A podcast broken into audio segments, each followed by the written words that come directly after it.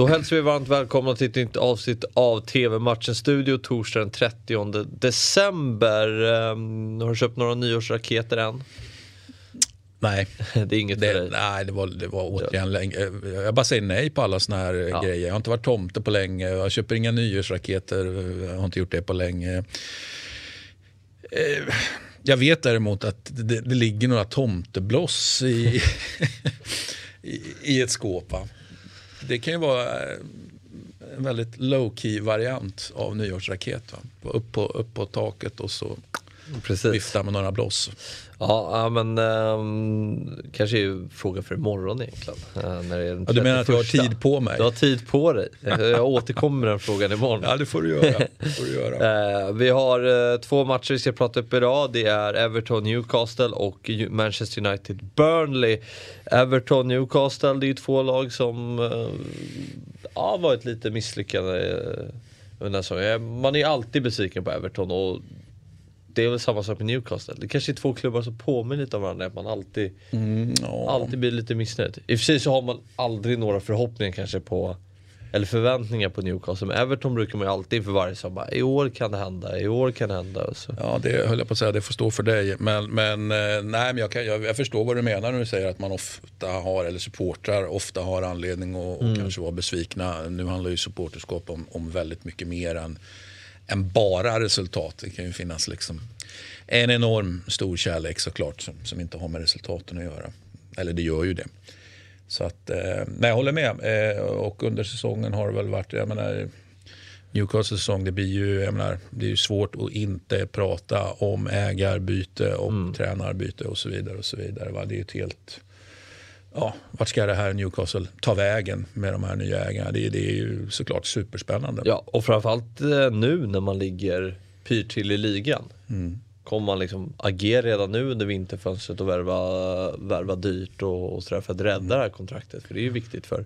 Nej, men vi får ju massa, massa så att säga, svar på massor med frågor. Hur, eh, ja, då en av frågorna är ju alltså, huruvida de har pengar eller inte. Mm. Det vet vi att de har. Va? Men, men deras sätt att bedriva fotboll och deras, deras tålamod i det här sättet att bedriva fotboll. Det får vi ju ett test nu när vi kommer fram till januari. Och vi, ja, om vi får ett transferfönster helt enkelt. Det, det blir ju superspännande att se om de agerar, vilket vi väl ändå tror, och hur man agerar i sådana fall. Då.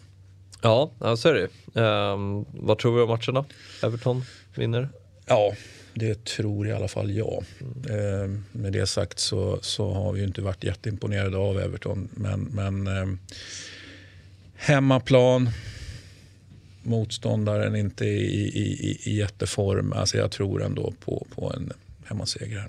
Ja. Sen har vi, eh, eller ja, vi ska nämna att matchen spelas 2030 eh, och ni ser den på Viasat Fotboll. Innan vi går vidare till Manchester United mot Burnley. Um, Burnley är ett lite klassiskt svårspelat gäng. Mm. Um, var väl några säsonger sedan de slutade på sjätte plats här utan Ja, vi... Som nykomling när de var väldigt ramstarka och släppte mm. väldigt få mål. Mm.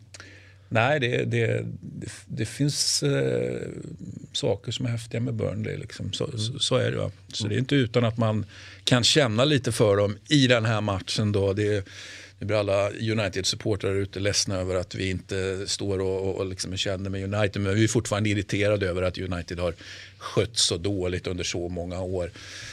Eh, det, det, kommer jag, har jag sagt många gånger här i TV-matchens studio. Jag kommer återkomma till det också. Jag, jag, blir väldigt provocerad när man sköter någonting väldigt dåligt över lång tid. Mm. Och det är precis det United har gjort. Så, att, eh, så, så, därför kan jag stå här och känna lite mer för, för Burnley i den här matchen. Men självklart så tror jag ju att United vinner det här eh, ja, men enkelt. Och det sämsta med allt som United gjort de senaste åren är att Ferguson är på läktaren. Ja, det är, det är en Borrellsk käpphäst det där. Det är liksom, han har inte där att göra. Nej. Det är, det, är, det, är liksom en, det är en våt filt liksom över någonting. Eh, för mig är det självklart att han inte ska vara där. Men, men de ser bevisligen på det annorlunda i, eller han ser bevisligen annorlunda på det. Eh, Sir Alex. Och möjligtvis att man ser lite annorlunda på det där i England kontra den fotboll som jag kanske följer än mer då eh, italiensk fotboll. Alltså i Italien är det helt otänkbart. Ja, det är så. Ja, absolut. Ja. Men då kanske man brukar med få en, någon form av roll som gör att man, man liksom trycker in sig på ett hörn i något styrelserum så man har någon Ja. roll i klubben som gör att man får Ja, komma men det, det är liksom, han ska, inte ha, han ska in. inte ha någon roll här för att, för att, för att de håller ju fortfarande på att göra en, en eller försöker göra en, en Ferguson 2.0 liksom, och då, då är min fasta övertygelse att när någon har gjort liksom originalet då ska inte den personen vara involverad i att göra liksom Nej, 2.0. nej. Eh, och det tycker jag är en generell regel. Jag, jag, jag, tror liksom inte alls på det här att man, man utser sin efterträdare eller, och, och, och liksom lägger sig i. Nej, nej, nej. Nej, men jag tänkte på det när vi, vi pratade tidigare om att ibland underskattar man vad en tränare innan en ny tränare har gjort. Att det kan liksom bära med sig bra saker.